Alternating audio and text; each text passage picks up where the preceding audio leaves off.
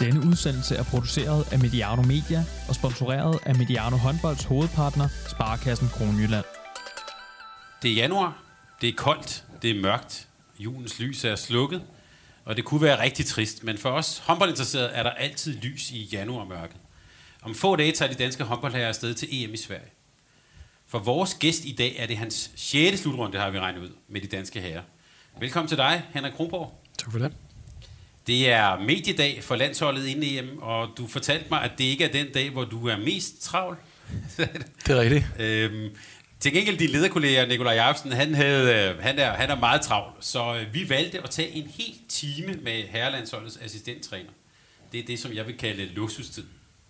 Her i Mediano håndbold vil vi gerne se på de store linjer. Det sker i et samarbejde med Sparkassen Kronjylland. Og i denne udsendelse skal vi blandt andet høre om, hvordan det er at være assistent på det danske herrelandshold. Hvordan det danske hold går ind til EM. Og så vil jeg også rigtig gerne vide, hvor meget man egentlig får sovet under sådan en slutrunde. Men inden vi starter, og før vi får alle mulige lytterklager, så må jeg hellere bringe sådan en disclaimer. Vi to, vi har kendt hinanden, siden vi var 9-10 år. Øhm, du har altid været en af de der meget irriterende typer, der bare er god til alle typer af sport. Øhm, og øh, det var dig, som tog mig med til håndbold. Så på en måde har jeg meget at takke dig for. Eller man kan også sige, at jeg har måde at meget at bebrejde dig for. Fordi håndbold, det er jo sådan en ting, der, der går i blodet for alle os, der er med her på omkring og lytter også til Mediano håndbold. Så tak for det, Henrik. Du har haft et langt liv med håndbold, øh, og dit CV er anden langt, det skal vi ikke øh, læse op her, men både som træner og spiller. Du er blevet dansk mester, både som spiller og som træner. Øh, og du har spillet både i Tyskland og i Sverige, og, øh, men rigtig meget i Danmark, øh, og har været øh, træner i Kolding og i Skjern og på det danske landshold i en, i en overrække efterhånden. Og du har et pænt medaljeskab, lad os bare sige det. Øh, så det er en ære, at vi får lov at tale med dig her i EM. Jeg kunne godt tænke mig at starte med det helt aktuelle. Øh, mange af os sad og så Danmarks kamp mod Frankrig i går. Det var jo en, øh, en træningskamp. Alligevel så så vi på tv-billederne øh, dig, der fleksede store biceps, og landstræner øh, Nikolaj Jacobsen, der tabte sit tygummi undervejs, da I vandt. Hvad var det for en kamp, vi så i går? Ja, det var en rigtig fed håndboldkamp. Øh, for det første så forstår de jo at skabe en fest omkring de her håndboldkampe i Frankrig, og, og sidde eller stå og høre den franske nationale melodi, og samtidig se 15.000 franske flag øh, vivle rundt i luften i hallen. Det er bare det, der er aller, aller fedest ved at være med nogle gange. Men så var det jo også en kamp, som var sådan øh, sidste mulighed øh, for spillerne og for os til sådan at, at få prøvet nogle ting af. Øh, inden at det går løs øh, over i Sverige. Og øh, jamen til sidst, der, der forsøgte vi nogle ting, som vi ikke har trænet rigtig meget, men som vi kun har snakket os til, og som kunne være rigtig sjovt at prøve. Og i går, der var det jo sådan, at der var det jo sådan rimelig omkostningsfrit øh, at gøre de ting. Øh, og det viser sig faktisk at, at bære frugt, og derfor så blev vi selvfølgelig glade på de spillere, der lykkedes så godt, og på holdets vegne, men selvfølgelig også over øh, sejren på udebane over Frankrig foran omkring 15.000 tilskuere. Det er ikke hver dag, at man, man bare lige gør det, og det gjorde vi heller ikke bare lige, men, men det var en rigtig god indsats, og det var en rigtig god øh, sidste kamp og, og sidste træning øh, for os øh, for fuld alvor, inden det går løs. Og hvad fortalte jer i trænerteamet om de spillere, som man kan jo sige, det var jo nogle, ikke nogle andre spillere, men det var jo, I skiftede godt ud, der var mange, der fik chancen. Hvad, hvad, jeg tænker, I har en svær opgave den her uge. Ja, det har vi også. Øh, det er en meget, meget øh, velkvalificeret trup, øh, som vi har, og vi har netop gået og snakket om, øh, at der er rigtig, rigtig mange bagspillere, som, som byder sig til Øh, og på holdet her er der rigtig mange, der sådan er gode til at falde ind i små korte perioder med, med, med, med små, øh, små aftaler omkring angrebsspillet, hvor de kan falde ind. Og så husker vi stadig på, at vi i et 28-mandstrup stadig har en Lasse Møller og en Nikolaj Jakobsen hjemme, som øh, er kæmpe profiler i den danske liga, og Nikolaj har også allerede været med og, og gøre sit her på landsholdet, så det er to øh, virkelig brugbare spillere, som er hjemme. Men det bliver en rigtig svær uge, fordi at, øh, at vi skal jo have skåret ned til, til 18 og så 16, der skal, der skal spille kamp, øh, og der er så meget kvalitet i de spillere, der, der er med her, så det bliver en rigtig svær opgave sidste på ugen. Jeg sad faktisk i går og tænkte på, nu øh, var der jo rigtig mange af os, der øh, øh, tabte næse og mund, da vi så VM her for, for, for et år, knap et år siden. Og også, jeg tror, mange havde lidt den samme fornemmelse, da de så kampen i går. Jeg får lyst til at spørge sådan helt åbent, hvorfor er I egentlig så gode? Jeg synes, der er rigtig mange ting i det. Øh, jeg synes jo, vi for det første er ved at få et rigtig, rigtig stabilt forsvarsspil. Øh, jeg synes, øh, tilbagekomsten af René Toft viser, hvor meget fysik der skal til, og jeg ved godt, at René ikke kan spille 2 gange 30 men, men de perioder af 10 minutter, hvor han kan spille på fuld tryk, der kommer virkelig noget fysik ind. Og så må man sige, at de spillere, der kommer til en Lasse Andersson nu, en Magnus Saustrup nu, jo bare kommer ind på holdet og løser deres opgaver. Og man kan sige, at den anden ende af banen, jamen der handler det jo rigtig meget om at få sat de der individuelle kompetencer i spil. Øh, få sat Damgaard i nogle situationer, hvor at han kan spille mand-mand. Få sat Mikkel til skud, Kirkelykke til skud, og alle de ting, som, som de her forskellige spillere har, synes jeg, vi er rigtig gode til at, at få sat i spil øh, under kampen og tør bruge det, øh, når det er. Og så handler det jo også om, at vi har en, en rigtig bred trup med rigtig mange spillere, som jo også spiller på allerøverste niveau. Mm. Altså enten er det herhjemme, at man spiller for Aalborg eller BSV, eller hvem det kan være. Øh, og ellers så er det jo øh, Barcelona, Paris, øh, Kiel, Flensborg, Vestprem. Altså det er jo topklubberne, som, som de fleste af de her spillere kommer fra. Fyxe Berlin. Altså, så de her spillere er jo i nogle miljøer, hvor de hver evig eneste uge bliver presset til træning og spiller kampe på allerøverste niveau. Mm. Øh, det, det er en kæmpe del af det.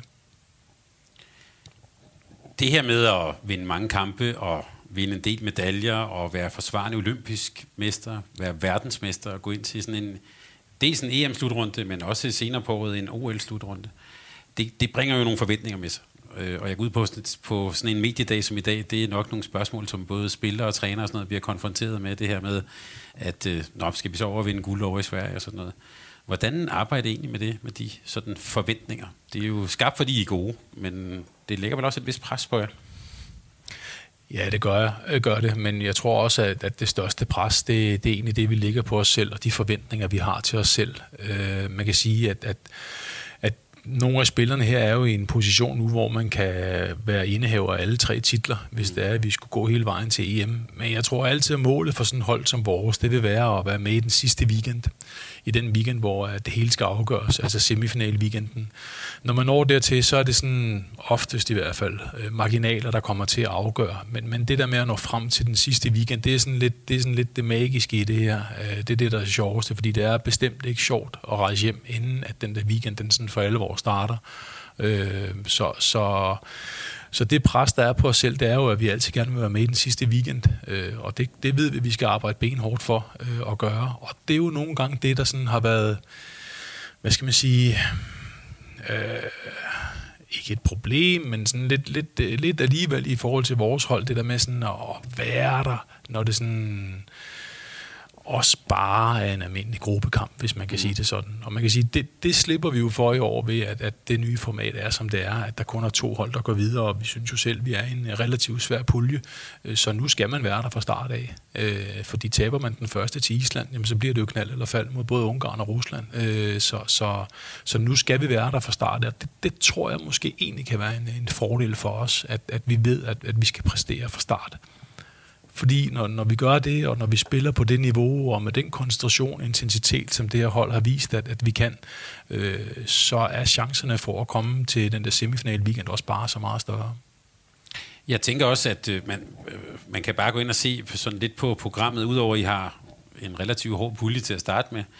Det bliver jo ikke ligefrem nemmere, når vi går ind i mellemrunden. Øh, der er tit nogen, der spørger sådan, øh, hvad er egentlig sværest? Er det at vinde VM, OL eller EM? Du har prøvet alle tre formater her. Hvad, hvad, hvad synes du er det vanskeligste?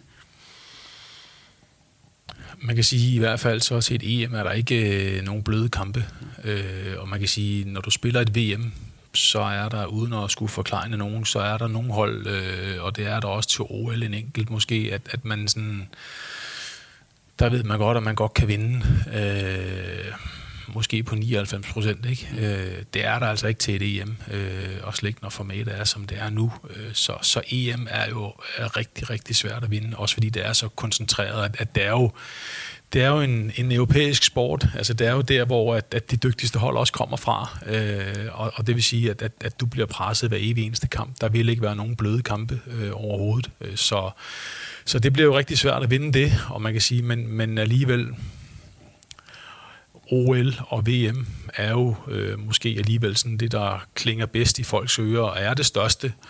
Mm. Men jeg tror også, at, at EM, det er, det er rigtig, rigtig svært at vinde. Øh, jeg har kun spillet øh, øh, to af dem. Øh, et af dem faktisk. Øh, og der var, det var der, hvor vi blev nummer fire for, for et par år siden. Øh, og der viste man jo også, at, at en kamp mod Sverige, godt nok i en semifinal, hvor man ikke får helt præsteret på det niveau, som man gerne vil, jamen så er det, så er det slut.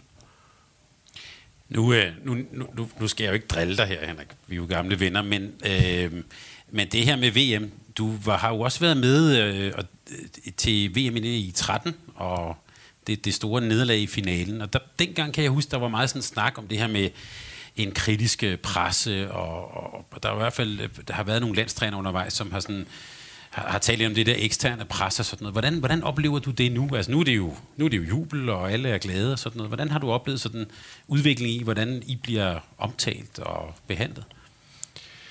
Jeg vil sige, i hvert fald, hvis man sådan bare lige skruer tiden tilbage til 13, så kan man sige, mm, inden man når finalen, så synes jeg et eller andet sted, at turneringen i 13 og turneringen i 19 ligner hinanden en lille smule. Øh, I 13 spillede vi også fantastisk håndbold hele vejen igennem.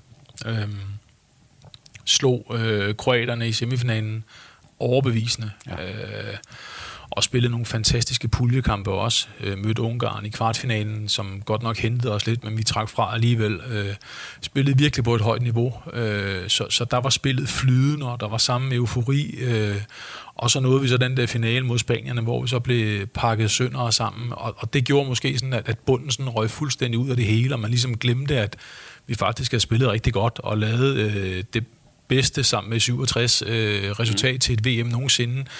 Øh, og i stedet for, så blev det hele sådan nærmest jo en fiasko, og man blev kørt over af, af spanierne i finalen. Øh, så på den måde, så synes jeg egentlig, at frem til finalen, så lignede de to turneringer lidt hinanden. Nu var vi så bare på hjemmebane, øh, og det betød en, øh, en hulens masse i forhold til den der eufori, der var omkring det hele, den fornemmer man jo meget mere, når man sådan er med herhjemme, end når man er et eller andet sted, øh, og dem derhjemme ser håndbold og snakker håndbold hele tiden.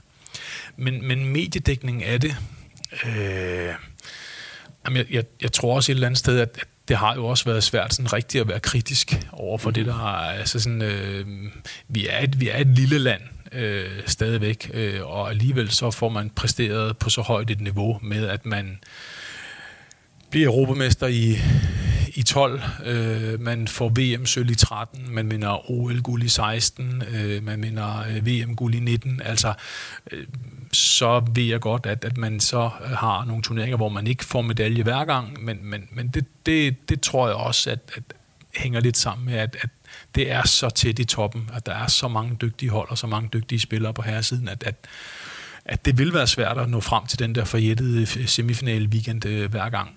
Så, så jeg synes jo bare, at, at, at både VM i 13, og også lidt OL i 16 med den historik, der kom bagefter, der har det sådan været, der har det været svært sådan at glæde sig sådan rigtig meget, mm. hvor man kan sige, at, at det hele jo bare et eller andet sted spillede her i 19, øh, hvor vi var på hjemmebane, og alle var glade, og vi vandt, og man kunne fejre det med alle danskerne, som fulgte med.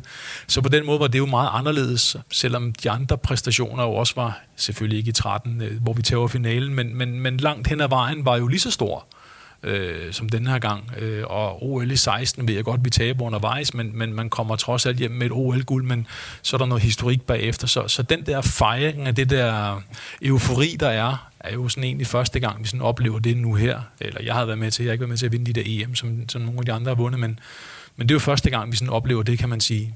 Så det, det var i hvert fald anderledes. Jeg får også lyst til at, at få til her for lytterne, at øh, jeg har skrevet to bøger om dansk håndbolds historie, og har fulgt de danske herrer i mange år, og, og jeg vil bare sige, dem der først lige er trådt på nu, det vi oplever nu er jo en exceptionel øh, gode præstationer. Øh, og øh, jeg kan jeg huske, det Claus Møller efter semifinalen, han nærmest begyndte at græde nede i Hamburg. Øh, præcis den samme følelse havde jeg. Altså det er så mange år, og så, og så at vi har et dansk landshold, der er så godt, som det er nu. Det er, øh, det, det er ikke noget, vi skal tage for givet, fordi der er altså også andre lande, der gerne vil spille håndbold og gerne vil vinde nogle kampe. Så det skal vi i den grad tage vare på. Og på den måde er det vel, tænker jeg også heller ikke helt bare sådan lige at tage til Sverige og vinde guld ved det hjemme. Og samtidig også et OL over de andre hold vi jo også gerne øh, præstere her. Så øh, det er bare lige for at sige lidt om forventningerne, tænker jeg. Mm. Øh. Mhm. Men, men, men det her med at komme frem i den sidste weekend, er det, er det sådan målsætningen?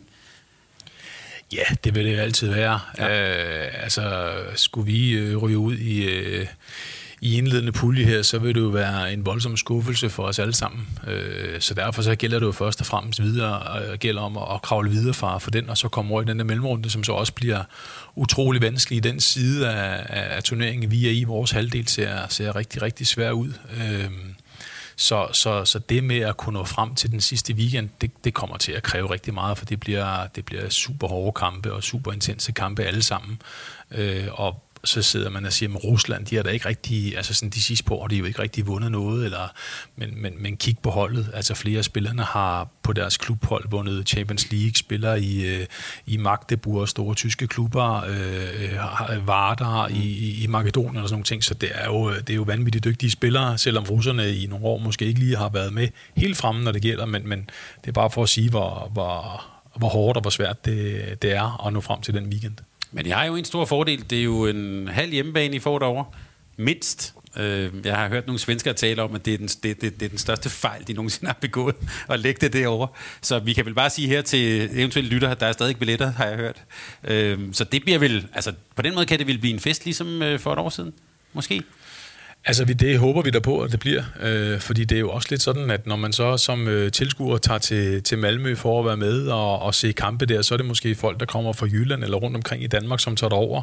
Og så kan det jo godt være, at der lige øh, bliver en ekstra tur i baren eller noget for nogle af dem. Og det vil sige, at der bliver sådan rigtig festet igennem, når man, øh, når man er på udebanen som dansker, i stedet for at man er i Herning, og så skal børnene op og i skoledagen efter, så man skal hjem. Så, så vi håber da på, at det bliver en fest, og vi hørte også noget med 70 procent af billetterne var solgt til danskere, så øh, vi øh, skal nok sørge for at være der fra start øh, af mod øh, de der islændinge på, øh, på lørdag, og det skal jeg nok også love for, det er islændinge også. Mm-hmm. Så det bliver, der bliver virkelig kog på det år. Og vi kan vel sige, øh, du kommer til at stå over for en, som du tidligere har arbejdet sammen med, nemlig Gudmundur Gudmundsson. Øhm, øh, og, og det leder mig vel lidt frem til det her med, det her med at være assistenttræner. Det kunne jeg godt tænke mig, at du sådan satte lidt ord på. Du har jo været på landsholdet, haft været, arbejdet både sammen med Ulrik Vilbæk, Gudmundur Gudmundsson og nu Nikolaj Jacobsen. Øh, der har du også arbejdet sammen med Peter Bredstorff, Ole Nørgaard i Skjern og sådan noget. Men hvad er, altså bare sådan for, for lytteren her, hvad, hvad, hvad laver en assistenttræner egentlig? At det er jo meget forskelligt øh, fra person til person og fra hold til hold, øh, hvad man laver. Øh, det er i hvert fald min oplevelse, at det er meget forskelligt. Øh, jeg kan sige, hvad, hvad, hvad jeg gør, og hvad jeg synes, der er interessant ved at være det. Altså, hvis jeg skulle sidde og være øh, statistiknørd og sidde og, og, og skrive redninger for målmændene og sætte kejler til træning og sådan noget, så er det, så er det uden mig. Øh, så, så er jeg ikke med. Jeg vil gerne være en stor del af det. Jeg vil gerne tage ansvar, når jeg er med, og jeg synes, at jeg bestemt har noget at byde ind med håndboldmæssigt på, på øverste hylde. Så derfor så, så er det interessant at for mig, for mig at, være, at få lov at være med, når jeg får lov at byde ind på de håndboldmæssige ting, på det taktiske, på det faglige niveau. Øh, ellers så, så, er det, så er det ikke mig, man skal, man skal have fat i. Og det vil sige, de, de jobs, som jeg nu nævnte, nogle af de der folk der, som jeg har, har arbejdet sammen med, og, og det, er jo, det er jo sådan meget forskellige trænere, men for mig er det heller ikke afgørende, om jeg er træner 1, 2 eller 3, øh, om jeg er cheftræner eller assistenttræner. Jeg vil lige så gerne være cheftræner, Øh, men, men det, der er vigtigt for mig, det er den rolle, jeg har, og det, og det, jeg laver, og det skal være det, jeg godt kan lide. Øh, så derfor så vælger jeg også de ting, som, som kommer til at passe mig rigtig godt, fordi jeg ville ikke synes, det var sjovt at og skulle sidde og tage statistik og, og sidde og skrive redninger ned og, og, og dele trøjer ud til træning og, og dømme og smide fodbolden i luften og sådan nogle ting. Det, det, det, det blev uden mig. Øh, og derfor så er det også sådan, at, at de fleste af de steder, hvor jeg har været i hvert fald sådan her til de sidste sådan en 8-10 år, der har det også været med et meget stort ansvar øh, omkring de steder, jeg har været. Og så kan man sige, så er der jo stor forskel på at være med omkring et klubhold og så et A-landshold, fordi man på et A-landshold har så kort tid sammen. Mm. Så derfor kan man sige, øh, lige nu er min rolle jo øh, måske ikke så meget anderledes, end den har været tidligere under Ulrik og, og Gudmundur, fordi der fik jeg også lov til sådan rigtig meget at byde ind omkring det hoppenmæssige og sådan nogle ting. Men, men nu her sammen med Nikolaj er, er der, er der sådan mere en stemme, når vi er sammen, fordi at, at tiden er så kort til at, at, at, at, at skulle forholde sig til forskellige ting, når vi er sammen med spillerne. Vi har ikke ret mange træninger, vi har ikke ret mange kampe, når det er, vi er, når det er, vi er sammen.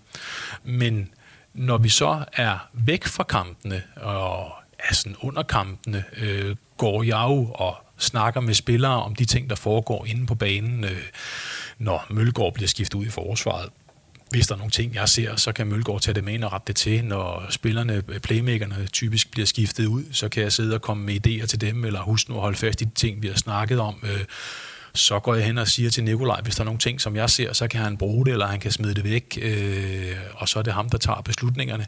Men i processen op til kampene, og det taktiske, og, og træningerne og sådan nogle ting, der, der, er, der er jeg lige så meget på, og kan komme med de ting, som jeg gerne vil, og så snakker vi os frem til, til de muligheder, der er. Og så kan det være, at jeg ser nogle ting, som Nikolaj synes, det, det kan vi kraften godt bruge, eller det, det, ah, det venter vi lige lidt med, eller det er jo så hans opgave at sortere det. Men hvis jeg ikke fik lov at tage så stor en del af, af slæbet i de ting, og ikke fik lov at være så meget med omkring det, det håndboldmæssige, så var det ikke mig, så, så ville det ikke være sjovt for mig at, at skulle være med. Ser, ser du og Nikolaj egentlig ens på håndbold? Jeg tænker, udset udefra, så er I vel to af dem, som tror jeg læser spillet allerbedst. Øh, ja, jeres generation, du har jo også selv stået inde i midten hele dit liv, så du ser jo banen bedre end nogen andre gør. Øh, men ser I det også ens? Ja, jeg synes, vi ser det meget ens. Øh, man kan sige, vi, vi i forhold til oplæg og sådan nogle ting, der gør vi det sådan lidt forskelligt, men, men når jeg så er sammen med Nikolaj, så gør jeg det så på hans måde, fordi så, så er det sådan lettest for os at arbejde sammen på den måde. Hvis jeg selv skulle gøre noget, så ville jeg måske gøre nogle ting lidt anderledes, men nu har vi fundet en sådan arbejdsrytme, som, som han er vant til, som fungerer for ham, og så arbejder vi på den måde i forhold til at lave klip til spillerne og forberede og lave analyser og sådan nogle ting. Men ja, jeg synes, vi ser tingene meget, meget ens omkring det, og, øh, og, og, og det er jo det, som jeg også synes er rigtig spændende ved vores hold nu, det er jo det der med, at når jeg sidder og ser mange af de andre hold, så er det meget det samme og det samme og det samme hver gang. Mm. Øh, defensivt gør de de samme ting, uanset hvem de står overfor. Offensivt spiller de meget af de samme angrebsåbninger, uanset hvad for en forsvar de spiller. Og hvor jeg synes, at vi er i stand til sådan at ændre hele tiden. Mm. Og, og det er det, jeg synes, der er skægt ved det. At lige lægge nogle nuancer på, lige flytte stregspilleren, lige vende den aflevering, lige lade fløjen løbe overgang mellem to og tre, i stedet for et og to og alle de ting, vi kan gøre der. Og det er der, hvor jeg også synes, at vores spillere her er rigtig, rigtig dygtige til at omstille sig og tage imod de desinger, som kommer sådan lynhurtigt under træning, hvor vi får øget det, men også bare under kamp, få rettet de ting til og få timet de ting rigtig hurtigt. Og det er jo det, jeg synes, der er sjovt, og det er der, hvor jeg ser, at vi har en styrke i forhold til nogle af de andre hold. Det er, at vi er i stand til sådan at ændre og hele tiden kunne læse tingene og se, hvad gør vi så, når nu går bakken frem, så gør vi sådan, øh, så vi ikke går i stå, eller nu skal vi have den her spiller ind over for ham der. Øh, det, det, det synes jeg er sjovt. Ikke at vi opfinder den dybe tallerken hver gang. Det gør vi ikke, fordi vi har jo vores ting og vores eksempelvis angrebsåbninger, som vi bruger, men så tilretter vi dem efter, hvem vi skal spille mod, og hvem vi gerne vil ramme i, i det enkelte forsvar. Og der i hvert fald i forhold til nogle af de andre landshold, der synes jeg, vi har en fordel. Hvor meget kan man nu tale sammen under sådan en kamp, eller nogle pressesituationer? Jamen, nogle af tingene har vi jo talt igennem på forhånd, og så er der jo tit, at, at, at, hvad hedder det, at tingene ikke altid lige udvikler sig. Øh, og så har vi jo en plan B for at gøre nogle ting. Hvis vi defensivt har brug for at gøre et eller andet, så ved vi godt, hvad vi vil gøre. Hvis det er, at de andre lykkes med de her ting, for eksempel, øh, så må vi sende bakken frem, eller vi må gå frem i et 5-1-forsvar, eller et eller andet. Så, så der ved vi godt, hvad vi vil gøre. Øh, så ellers er det noget med at komme med sådan små inputs, fordi nogle gange der går det også bare så rasende stærkt, at du kan ikke nå sådan lige at komme med de helt store forklaringer øh, til det. Så, så, så det bliver sådan med, med, med små hurtige inputs til hinanden, eller skal vi lige, og, og, og der gælder det også om at fange hinandens ja, forbindelse ret hurtigt, så man lige sådan hurtigt når sådan at indstille hinanden på, hvad er det, hvad er det lige, han mener, sådan snakke samme sprog, eller vide, at den anden godt ved, hvad det er, jeg mener, når jeg siger det her. Der, der synes jeg, vi er ret, øh, ret skarpe. Hvor, hvor, hvor gode er I til, eller hvad, hvad tænker I sådan om, øh, om, hvor meget byder spillerne selv ind? Altså vi har i hvert fald på Mediano håndbold tidligere talt om øh, Ben Johansson, sådan det her med at tage en time-out, og så bare gå væk, og så lade spillerne selv sådan, øh, byde ind. Hvordan er jeres sådan lederskab med det? Øh, det synes jeg er lidt forskelligt, fordi øh, hvis tingene fungerer, øh, så synes jeg også, der er sådan en rimelig åbenhed over for, at man kan lave nogle ændringer, eller lige prøve nogle ting af i angrebet, hvis man har en fornemmelse af, at Morten Olsen eller Lauke eller Mikkel har rigtig godt styr på tingene lige nu. I perioder, hvor tingene ikke fungerer, så, så er det jo meget øh, styret udefra, hvad vi så øh, gør. Så man kan sige, at rammerne er sat udefra, og så er det jo meget lyttende i forhold til spillernes ønsker, måske lige forsvaret at tage lidt mere højde, eller lige være lidt defensiv, eller lige kalde bakken lidt ind, eller angrebsmæssigt lige, jeg vil gerne have bolden lidt længere ude, for så kan jeg bedre lige komme på. Sådan der. Der, der synes jeg nok, der er, sådan, øh, der er rimelig spillerum, men sådan de overordnede rammer, de er, de er rimelig skarpe og, og sat fast. Mm. Så det er ikke sådan, at man pludselig en VM-semifinal pludselig opfinder en ny åbning eller sådan noget? Øh, det kan vi jo godt øh, sådan snakke igennem inden, mm. medmindre vi er sikre på, at det er en åbning, som spillerne sådan lige vil kunne udføre med det samme. Og det, det er der jo mange af de her, der kan, for der sidder virkelig godt håndboldhoved på, på rigtig mange af de her spillere, og det vil vi jo så også begunstiget af.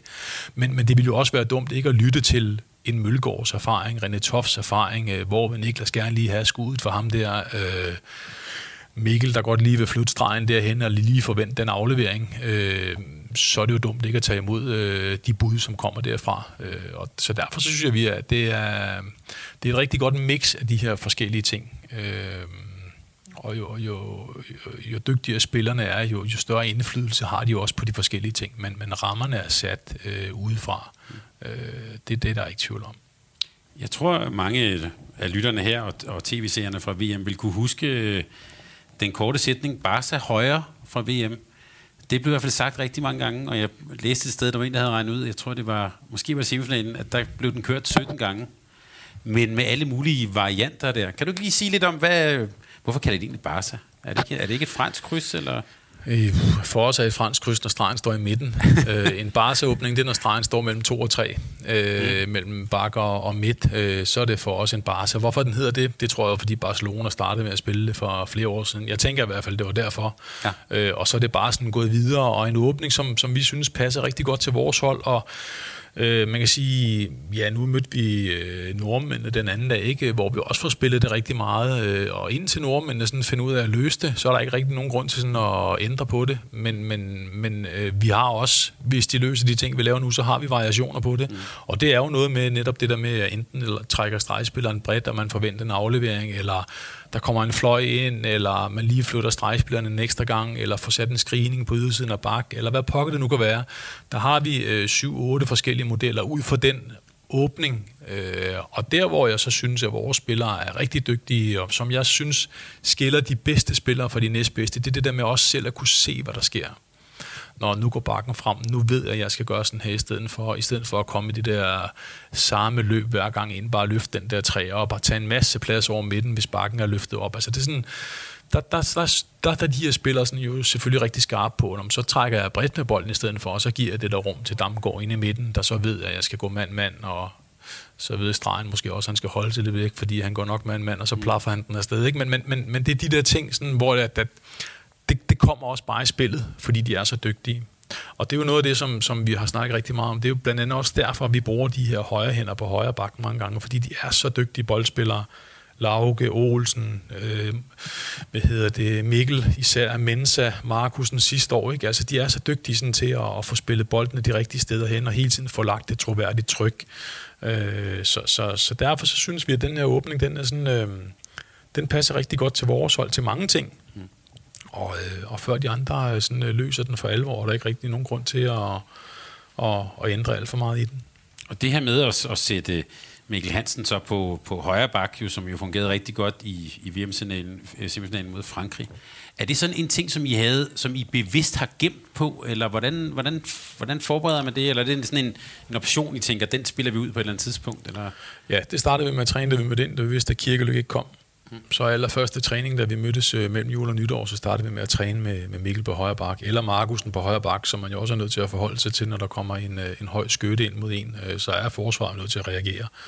Øhm, så så det, det startede vi med den første dag, og det har vi også gjort i år. I år har vi også trænet nogle ting øh, fra den 28. af, da vi mødte ind, øh, som vi ikke har spillet ud endnu, men som vi bevidst har ligget og trænet i forhold til de kampe, vi skal spille i, i Sverige. Øh, så så, så vi spiller et par rigtig gode kampe nu, men, men, men der er flere ting, som vi ikke har spillet ud endnu, øh, som, som vi måske kan få brug for senere. Og det vil også, øh, hvis man øh, ser langt tilbage i håndboldhistorien, vi har haft interview her for nylig med Leif Mikkelsen, der kunne man jo godt gå og gemme på noget i et par år. Her bliver man jo bogstaveligt talt nødt til at gemme det, fordi alle ser video på alle. Og, altså, så, det, så det er vel noget med at træne det, og så først spille det ud, når I synes, I får rigtig brug for det, eller Ja, lige præcis. Øh, og, og det vil det være. Der er også nogle ting defensivt, som vi har ligget og arbejdet med, øh, som, som vi måske også får brug for i Sverige, som vi heller ikke ville, ville spille ned i, øh, i Frankrig nu her. Så, så der er sådan flere ting. Øh, nu kan man ikke vente så lang tid som live kun, fordi nu er der mesterskaber hele tiden. Ja, ja, præcis. så derfor, når han siger år, så er det jo... Men, men, men, øh, men nej, her, der, øh, det, det er det samme her. At, øh, at, og sådan tror jeg egentlig, alle hold har det. Øh. Men hvor meget kan man i nå at træne? Altså, på et klubhold, der kan I jo godt have, nu ved jeg ikke, men adskillige sådan forskellige åbninger, og I har også tid til at lave alle mulige taktiske træninger, øh, selvom det også er et, et stramt program her. Her er det jo, altså, i, der er jo ikke tid til så meget træning, og, og ikke så mange samlinger og sådan noget. Hvordan planlægger man det? Ja, yeah, man kan sige, nu havde vi, vi havde de der dage med jul og nytår, hvor så at det kun var spillerne fra Flensborg og Rhein og dem, der spiller i, øh, i Bundesligaen, der var hjemme. Men alle de andre, øh, de kom med først den første. Og så havde vi, øh, så havde vi en træning den første, og så tog vi jo afsted den anden, og så skulle vi have trænet i Frankrig. Øh, men, men, men gulvet var dårligt og, og beskidt og hårdt og sådan nogle ting, så vi valgte simpelthen, vi turde simpelthen ikke at træne med spillerne. Øh, og det vil sige, inden vi stod der mod Norge, havde vi faktisk kun haft én træning øh, samlet. Øh, så det vil sige, det, det handler jo også øh, igen om at have nogle spillere, som på det taktiske niveau er utrolig dygtige og er klar til sådan omstillelser og, og hurtigt finde den rigtige timing i både forsvar og angreb. Øh, fordi så mange træninger har vi ikke. Øh, nu er vi rejst hjem i dag og var forsinket med flyet, øh, og det vil sige, så har vi ganske få dage. Vi har øh, tirsdag, onsdag, torsdag og fredag fire træninger, inden vi står derovre på lørdag øh, og, og skal i gang. Så, så det er ikke lang tid, man har. Øh, så derfor er det også vigtigt at have de her sådan rammer øh, omkring, hvordan det er, vi gerne vil gøre tingene. Faste rammer, så det er nemt og naturligt for spillerne at falde ind i. Og der, der, det, det synes jeg, at, at de spillere, der så er med, øh, rigtig, rigtig hurtigt falder, falder ind i. Jeg kan godt tænke mig, hvis du, øh, hvis du sådan tog os lidt bag om øh, kulissen i den forstand, at fortælle lidt om, hvordan er en hverdag egentlig sådan en, i sådan en slutrunde tid her. Vi, som når man er tv-serie, så hører man jo tit om, at I kommer sent i seng, og man hører ofte hørt om forskellige trænere, der har set video hele natten og sådan noget. Øh. Kan du ikke fortælle os, hvordan ser sådan en, øh, hvordan ser sådan en dag ud? Under en slutrunde? Ja. Jamen, den, øh, den er jo meget speciel, fordi man får en lille smule vendt op og ned på, på dag og nat. Øh, vi spiller jo øh, oftest sent, og det vil sige 20.30 eller, eller 20.45. Og det vil sige, at kampen er færdig omkring klokken halv 11. Øh, så er der presse, medier, øh, studier øh, med spillerne og med Nikolaj. Øh, der er lidt behandling i hallen, og inden man sådan kommer hjem og, og de ting, så er det jo rigtig ofte, at klokken er 12.30, inden der sådan er aftensmad. Øh, og når man så lige er ude og spille kamp, så kan det være rigtig svært at falde i søvn. Øh, det er det både for spillere og trænere, og det vil sige, det er jo noget med, at man sådan, måske først falder i søvn hen af sådan øh, 3, halv 4, 4 om morgenen. Øh, og så vil det typisk være sådan, at der er morgenmad, man får sovet en, en 5 timer, og der, der er morgenmad med sådan 9 halv 10 tiden. Øh, og nu her til EM, så vil det være sådan, at, at vi spiller hver anden dag. Det meste af tiden, der er en enkelt dag, hvis vi kommer til mellemrunden, som vi tror og håber på, så spiller man to dage i træk den ene dag, men, men, men, men, men så vil det være sådan, at der så er noget videoforberedelse, øh, der om formiddagen, og så noget træning øh, om eftermiddagen, og derimellem kan spillerne egentlig få hvilet sig, og så træner man om eftermiddagen, sådan typisk ved 4-5-tiden, og så en normal rytme om aftenen med noget aftensmad, og, og så er det kampdag, øh, og der er morgenmad sådan klokken halv 10, og igen et, et videomøde, og så øh, noget hvile om eftermiddagen, og, og lidt gåtur, og lidt måltider, og så, og så afsted til kamp. Så det er sådan meget spillernes øh, hverdag, kan man sige. Vores, øh, Nikolajs og min, jamen den er sådan... Øh, det, det er sådan lidt med forskel, men ofte så er det jo sådan, når vi så kommer hjem og har spist aftensmad klokken halv et, så skal vi jo være klar med noget video og have kigget frem til, til næste kamp mm. øh, på, på den hviledag. Og det vil sige, når, når vi kommer hjem der klokken halv et, så, så er det tit, at vi i løbet af kampdagen allerede faktisk har kigget lidt frem til, til næste modstander, sådan at vi ikke starter helt blanke der om, øh, om natten, men, mm. men godt ved, hvad skal vi kigge efter, når vi skal spille mod Ungarn for eksempel. Hvad, hvad er det, vi skal holde øje med? Hvad er det for noget spil, vi selv skal have frem? Og så sidder vi og prøver at finde nogle, nogle situationer og nogle gode ting og vise spillerne. Og der kan vi sidde til klokken ja, også tre, halv fire om natten. Øh, så får vi lidt, øh, lidt te og lidt cocktails. Cocktails til sådan et glas, som Nikolaj fylder op, og så hælder vi øh, en masse M&M'er ned i med en masse farver, så sidder vi og kører dem ind, mens vi sidder og ser håndbold. øhm, og så, øhm, Jamen så om formiddagen efter morgenmad, så er vi, så er vi klar med den første præsentation til spillerne af, af det, vi skal se øh, på det andet hold. Og så, så har vi noget typisk igen om eftermiddagen, hvor vi måske viser lidt, og så går vi ud og de træner de ting, øh, som vi gerne vil, vil udføre dagen efter, og få trænet det. Og så på, øh, på kampdagen, så, øh, så har vi sådan det afsluttende videomøder og en masse hviler. Det vil sige, de der eftermiddage, det er jo ofte der, hvor vi som ligesom bruger til sådan ligesom at, at få sovet et par ekstra timer, så man får jo, man får jo søvnen, den er bare afbrudt. Det er ofte sådan en, et, et par timer ad gangen. Man sådan lige øh, om natten måske lidt længere end fem timer, hvis man er heldig. Men, men ellers så er det noget med sådan lige at tage en time hister her, når man lige sådan kan, kan komme til det og prøve at få indhentet noget af det, eller i hvert fald lige få hvilet hovedet, så man, så man er frisk. Men man får endt, øh, vendt fuldstændig op og ned på, på dagsrytmen. Hvor, hvor meget video ser man som spiller? Altså, øh, er det sådan lange seancer, eller hvor meget kan man kapere egentlig? Ja, vi tror ikke på, at man kan kapere ret meget øh, af gangen i hvert fald. Så, så vi prøver at holde nogle relativt øh, korte fælles videoseancer, og det er sjældent over 25-30 minutter, at, at det varer. Øh, og så har spillerne jo tilgang til video selv også. Mm. Øh, dels kan de komme til mig eller Nikolaj og forvise nogle situationer, eller vi kan lige sidde med dem fem minutter og sige, husk nu det her, eller du skal lige have flyttet dig lidt længere til venstre i de her øh, ting.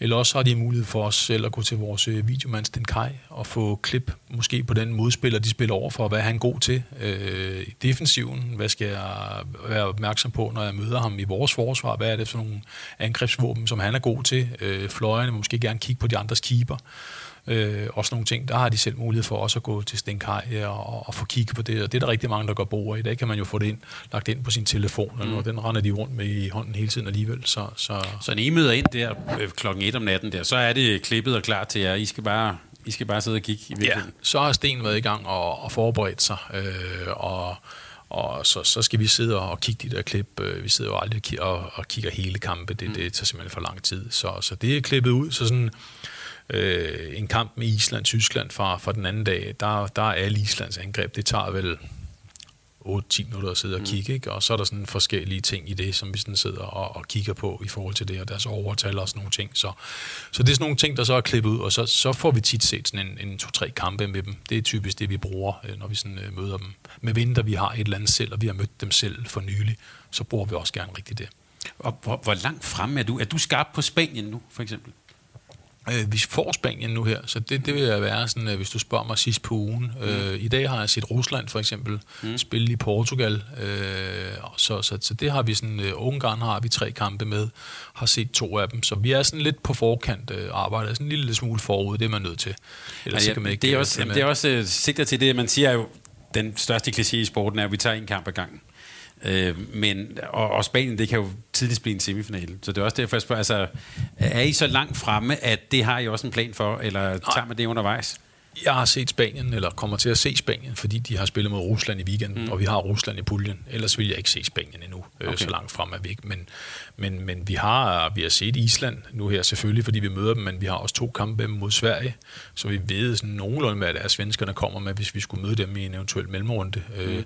Så der har vi sådan et, et fint overblik, og så har vi også spillet mod mange holdene, øh, så man ved godt nogenlunde, hvad det er, man skal holde øje med, og hvad det er for nogle ting, man skal være skarp på for at, at lykkes med tingene. Så, så, så det er jo en kamp ad gangen, men derfor er vi jo nødt til at have nogle ting i baghovedet i forhold til, at, at vi sådan, øh, udnytter tiden, så man ikke skal starte sådan helt på bar bund, når vi kommer hjem om aftenen. Og især de dage, hvor der er enkelte dage, hvor man spiller lige efter hinanden, hvor der ikke er nogen hviledag, der, der, der, kan man, der er du nødt til at være, være på forkant. Mm. Ja. Du nævnte for mig, før vi gik i gang her, det der med, når man kommer, så kommer hjem for det her, altså, jeg tror, det vil være mange af vores lyttere, der har været på, på julestævne her mellem jul og nytår, og har ligget 3-4 dage på luftmadras. Det her, det er jo en helt måned nærmest, det foregår. Hvordan har kroppen det, når man kommer fra en slutrunde? Ja, relativt gode luftmadrasser, vi så har. Men, øh, ja, det, det er selvfølgelig, ja. og måske lidt bedre mad også. ja, øh, jamen det er, det er sådan, øh, det er jo et tomrum, fordi man, man lever jo sammen i de her næsten fem uger, øh, og er sammen, har sin, sin øh, omgangstone og sin jargon og sin rytmer i det her. Så derfor så nogle gange, så kan det være sådan lidt, lidt svært at komme hjem sådan lige og, og så være sådan, øh, selvfølgelig savner man dem derhjemme, og, men det er rigtig svært at komme hjem sådan bare lige at være 100% til stede med det samme. Det tager lige et par dage, når man sådan lige får akklimatiseret sig og lige sådan finder nogle andre rytmer og kommer ind i, i normal soverytme igen og, og ligesom, så man kan sige, jeg, jeg, jeg har prøvet sådan to forskellige ting, som, og jeg ved godt, hvad der virker for mig, men, men, men et år, hvor øh, jeg kom hjem, øh, og det var i 13, hvor jeg øh, ikke havde ikke noget klubhold, øh, der jeg var ungdomslandstræner samtidig, øh, men jeg var assistent på A-holdet, så, så der var ikke noget klubhold, der sådan stod og ventede, da, da jeg kom hjem. Øh, og der var kroppen simpelthen sådan helt øh, brudt ned, så man, jeg fik influenza, og havde influenza i 14 dage, eller sådan feberlignende symptomer. Øh, og sidste år, da vi havde spillet VM, jamen, der var jeg i, i Skjern og gjorde det, at jeg tog til træning dagen efter om morgenen klokken kvart i 10, øh, var jeg klar, og, og det var egentlig rigtig godt. Så var man i gang igen, og så kørte det egentlig bare igen, uden at man på nogen måde følte sig sådan stresset eller, eller nogen måde. Man kom bare hurtigere ind i en arbejdsrytme var ved at, at gå i gang igen, og det er i hvert fald det, der sådan, øh, fungerer bedst for mig. Træner du egentlig selv her undervejs? Altså jeg tænker sådan, det, jeres fysiske øh, form egentlig, er den, har du også forberedt dig på den? Øh, vi, vi prøver at lave noget sammen, enten mm. sådan øh, tidligt morgen, eller når der er, der er noget hviletid til spillerne, hvis vi ikke lige selv kan sove, så prøver vi at lave noget sammen, løber en tur, eller går op og cykler, eller laver lidt styrketræning, eller et eller andet. Det, det, det prøver vi egentlig at gøre sammen som gruppe, også ledere, øh, for sådan lige så at holde hinanden i gang. Og nogle gange når man det ikke, men så går man en tur og får lidt luft i hovedet, og får lige rørt sig lidt. Øh, det, det er i hvert fald den gruppe, vi er sammen her, der, der er vi nødt til at gøre det, fordi vi er sådan vant til sådan at være aktive alle sammen. Så, så det er vi nødt til at gøre, sådan fungerer vi bedst. Øh, og nogle gange kan det også bare være en, øh, en saunatur eller et eller andet øh, her på hotellet. Og nu nævnte du det der med, jeg er lidt stadigvæk det her med hverdagen, men I er først trænet på de der, I skal spille. Hvordan kan man egentlig træne? Det er jo nogle spillere, der ofte er øh, under pæn belastning og sådan noget. Hvordan, hvor, meget kan man, hvor meget kan man tillade sig at træne med dem? Altså, vi træner jo aldrig på kampdag, for eksempel. Mm. Øh, men vi, vi træner på hviledagene, og, og det er jo sådan... Intensiteten falder jo stille og roligt, jo længere man når hen i, øh, i turneringen, fordi i starten er folk friske, og der er mange, der kan træne, og man kan næsten lave en normal træning. Øh, og vi vil jo også gerne se, at tingene sådan fungerer i praksis, og det kan vi ikke rigtig gøre på 70 procent og sådan noget. Så, så jeg synes, sådan, at, at, at vi er rigtig gode til sådan at få trænet godt på de der hviledage. Man kan så sige, når vi sådan når længere hen af, så er der nogen, der lige har et slag, eller lige ondt i ryggen. Så når man når hen og, sådan, og måske kommer til den sidste weekend, så, så bliver det mere og mere noget med, med taktisk forberedelse, hvor man måske over i hallen bare lige tager over og, og spiller lidt fodbold og strækker lidt ud, og så går man nogle ting igennem, nogle angrebsåbninger, eller man lige agerer det andet hold, øh, og så vi tager nogle ting i forsvaret, husk at gå op der, og, men så man lige har stået over i hallen, og nogle gange er det også rart bare lige at komme derover, så sker der også lige noget andet, mm. så det ikke bliver hotel det hele, så, så, så skal man lige køre over til hallen, lige ud og lige gå lidt rundt og få strukket lidt ud og sådan nogle ting. Så, så intensiteten falder stille og roligt, jo længere vi, øh, vi kommer i turneringerne, men, men, men jeg synes, vi er gode sådan til at, at, at dels komme ud og få gjort det, og så dels sådan være skarpe på de ting, vi så gør. Om det så nogle gange tager halvanden time at træne, eller det nogle gange kun tager 50 minutter, så er min fornemmelse egentlig, at, at det har været godt givet ud for os lige at, at komme ud og, og være skarpe på de her ting. Hvad vil der ske, hvis I sløjfede fodbold, når I sådan slutrunde? Ej, det vil ikke være rigtig godt. Fodbold er Fodbold er en fast bestanddel af vores opvarmning. Øhm, og det er den klassiske øst mod vest. Ja. Der bliver spillet, øh, og der bliver spillet de der 10 minutter øh, hver gang, og det er jo øh, lige dårligt hver gang, øh, og bliver ikke rigtig bedre øh, for nogle af dem. Øh, nogle bliver dårligere og dårligere, men, men, men vi skal igennem det, og vi får spillet de der 10 minutter, og det er rigtig hyggeligt, og det skaber altid noget god stemning, og heldigvis har vi langt hen ad vejen været forskånet for skader, øh, fordi det, det bliver også bare kedeligt for de her under sådan en slutrunde at skulle løbe og varme op i et kvarter med alle mulige mærkelige øvelser mm. øh, hver dag. Øh. Så derfor så det der fodbold, det er et fint lille afbræk, og, og, og det er rigtig sjovt. Og det skaber noget humør, og det skaber noget stemning, og det skaber noget lir i, i gruppen, at nu vandt Øst, og nu brændte han den chance, og mens han lå den der bold gå ind igen, og alle de der ting. Så, så det er en rigtig god ting. Så det... Øh, det tror jeg, vi holder, tror, vi holder fast i, selvom det ikke rigtig bliver bedre af det. Spiller. Nu ved jeg jo, at både du og Nikolaj er jo faktisk øh, var men er sikkert stadigvæk dygtige fodboldspillere. Jeg er glad for, at du nævner det. Ja. Hvad, spiller I med? Nej, Ja. øh, det gør vi ikke mere. Jeg tænker, I kunne være nogle store forstærkninger på de to hold. Ja. Øh, Michael Brun er faktisk med, øh, mest som målmand. Øh, der gør han det faktisk rigtig fint stadigvæk. Øh, så, så Michael er med, hvis der mangler en. Jeg har prøvet at være lidt med. Jeg mener også selv, at jeg har øh, afgjort et par kampe øh, mm. positivt ment. Øh, men, men på et tidspunkt der blev jeg fravalgt, og der var andre, der blev valgt i stedet for mig. Og så tænker jeg, at så er det nok et, et godt signal til at sige, at jeg tror, jeg trækker mig, og så, øh, så står jeg bare og kigger og kommer med dumme kommentarer i stedet for. Så, så vi, er, vi er ude. Øh, Nikolaj har også haft en enkelt kamp på mål. Øh, det blev også bare til den kamp. Mm.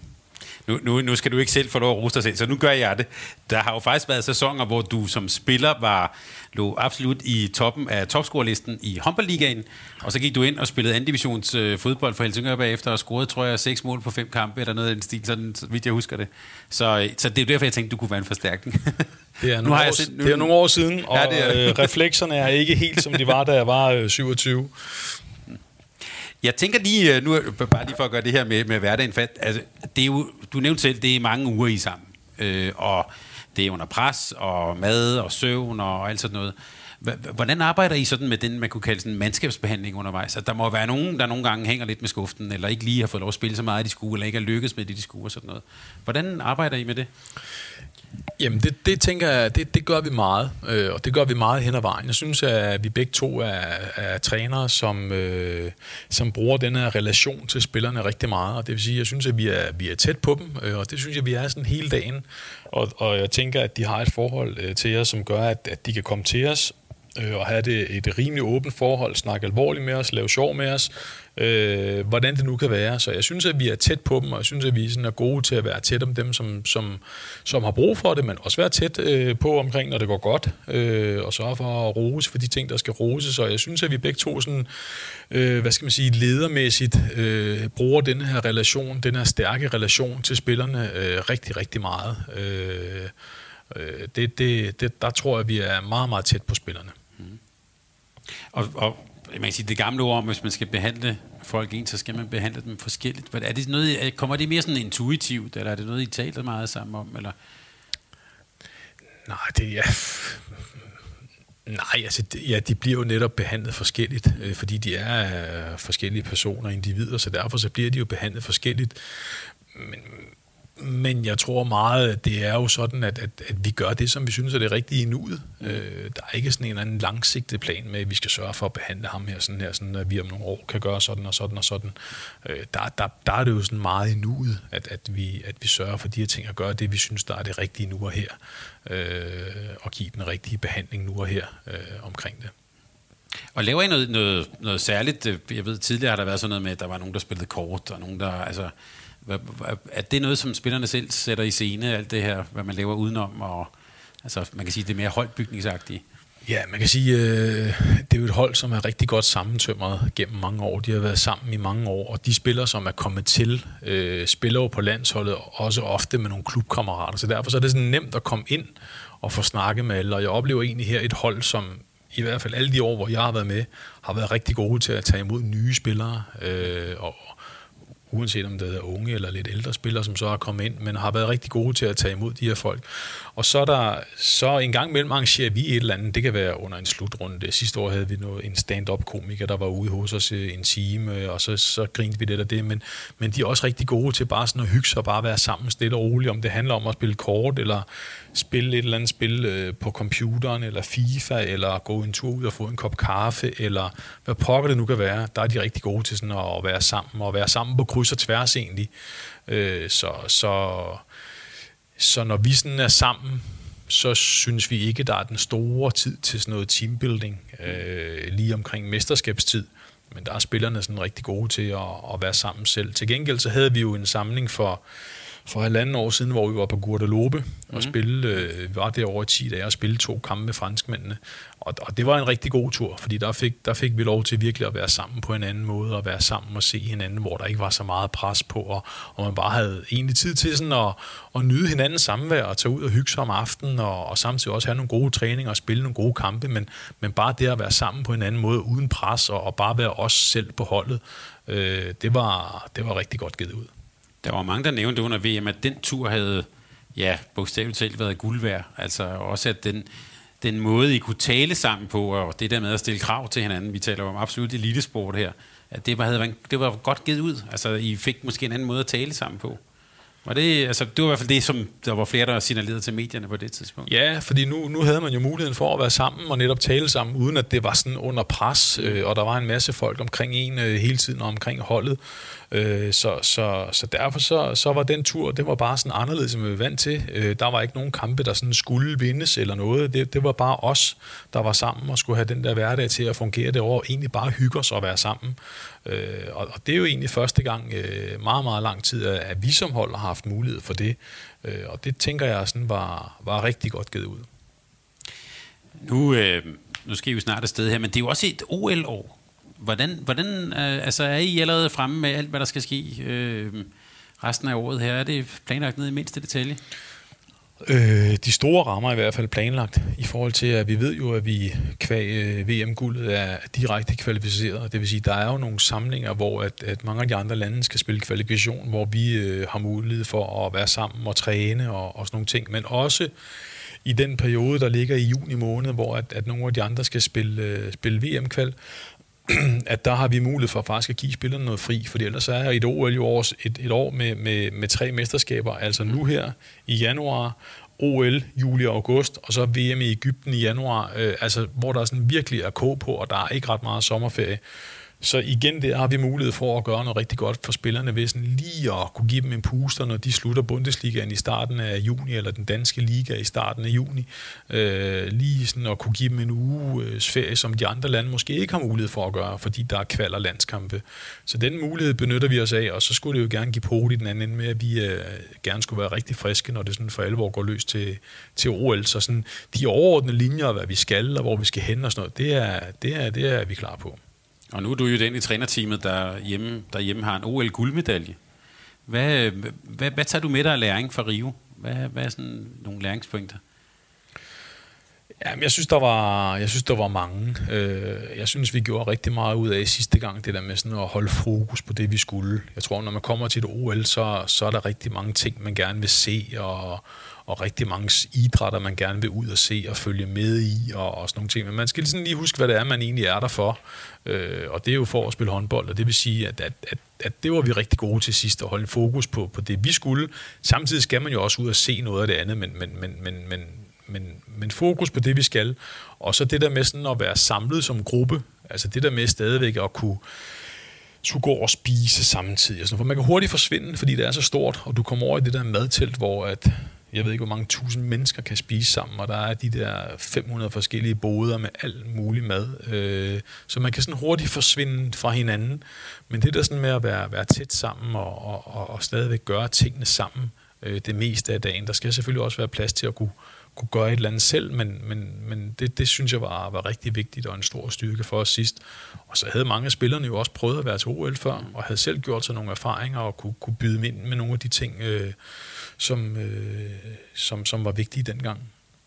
Hvem bestemmer egentlig hvem? Det så du sammen med Nikolaj? Nej, ja. det gør jeg ikke. hvem bestemmer vi, vi, vi øh, lederne har været vores øh, værelse. Øh, Gud skal takke og lov for det der. Men hvem bestemmer egentlig, hvem der sover sammen med hvem? Er det, øh, er det efter eget ønske? Eller? Ja, jeg tror, de er, ja, det, det, det gør de bare selv, spillerne. Selvfølgelig, hvis der kommer nogle nye med, så sørger Kai for, at de bliver indlogeret ordentligt, og måske bor sammen, eller bor sammen med nogle af de rutinerede, som er gode til at tage sig af de nye, men, men ellers så, så bor de meget sammen med de faste, som de, som de plejer at bo sammen, og det fungerer, det fungerer rigtig fint.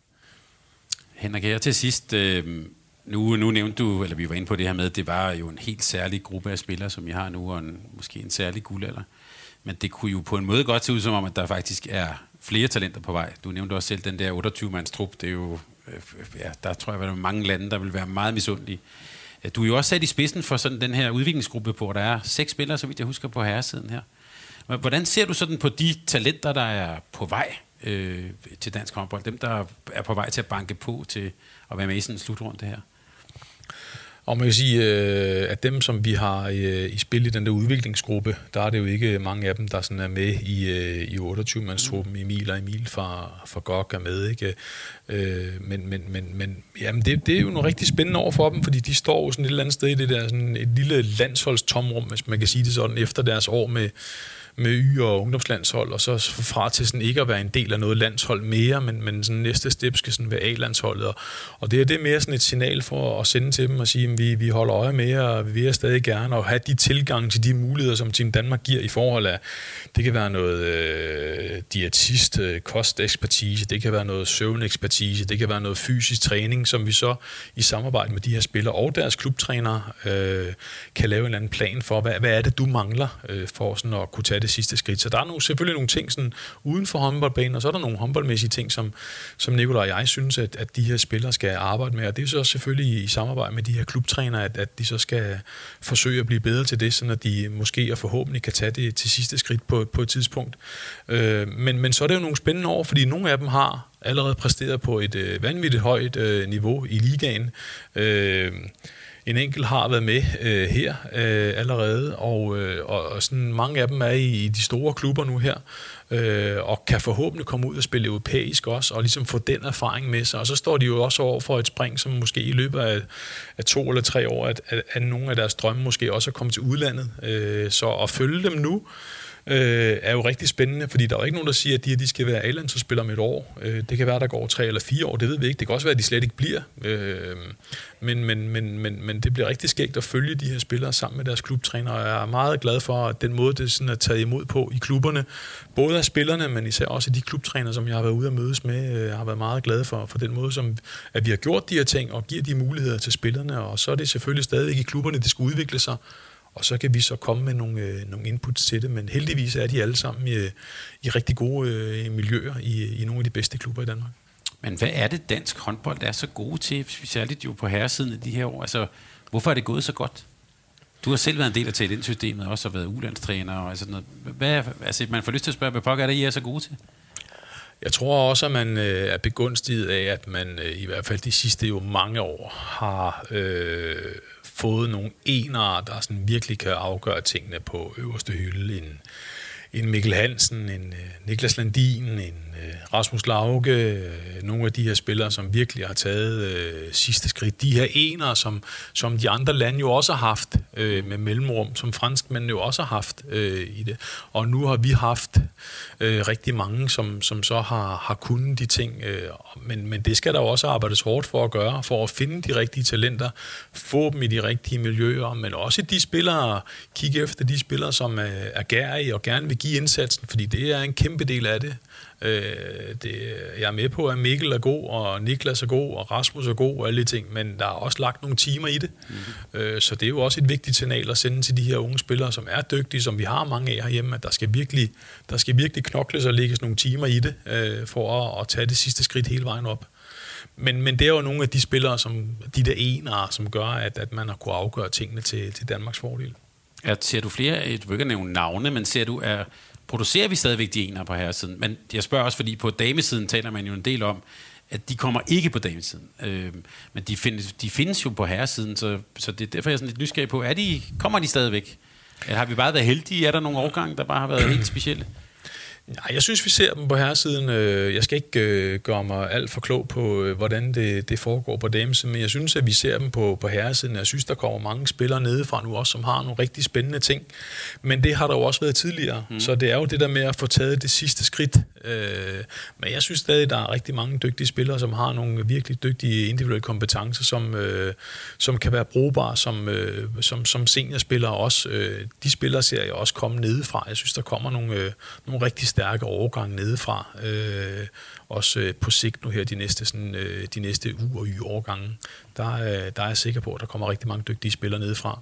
Om de så bliver så dygtige, så de tager det sidste skridt, det ved jeg ikke. Det er jo rigtig svært at sige. Der kan jo komme mange ting i vejen med skader og alt muligt, men, men, men, men jeg synes, der, der er rigtig mange øh, på vej øh, fremadrettet også.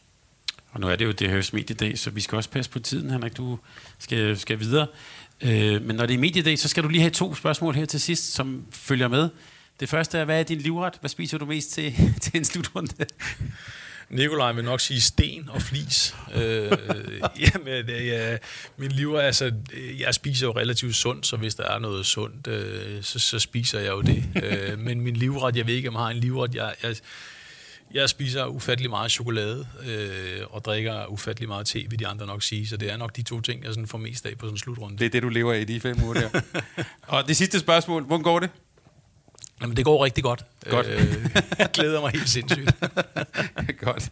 Det kan jeg sige, det gør vi også, og det gør Mediano håndbold så også. Det her er, som vi startede med, jo et totalt lyspunkt her i, øh, i januar. Og hvis man er, har lidt håndbold basile i blodet, så... Øhm, så der, der tales tit om, at der er for mange slutrunder, men os, der går op i det, synes jo, det er fantastisk dejligt, at vi kan se noget håndbold. Så vi glæder os til en god januar, og vi vil bare ønske dig og holdet alt muligt held og lykke. Tusind tak. Det er fornøjelse at tale med dig. Tak lige måde.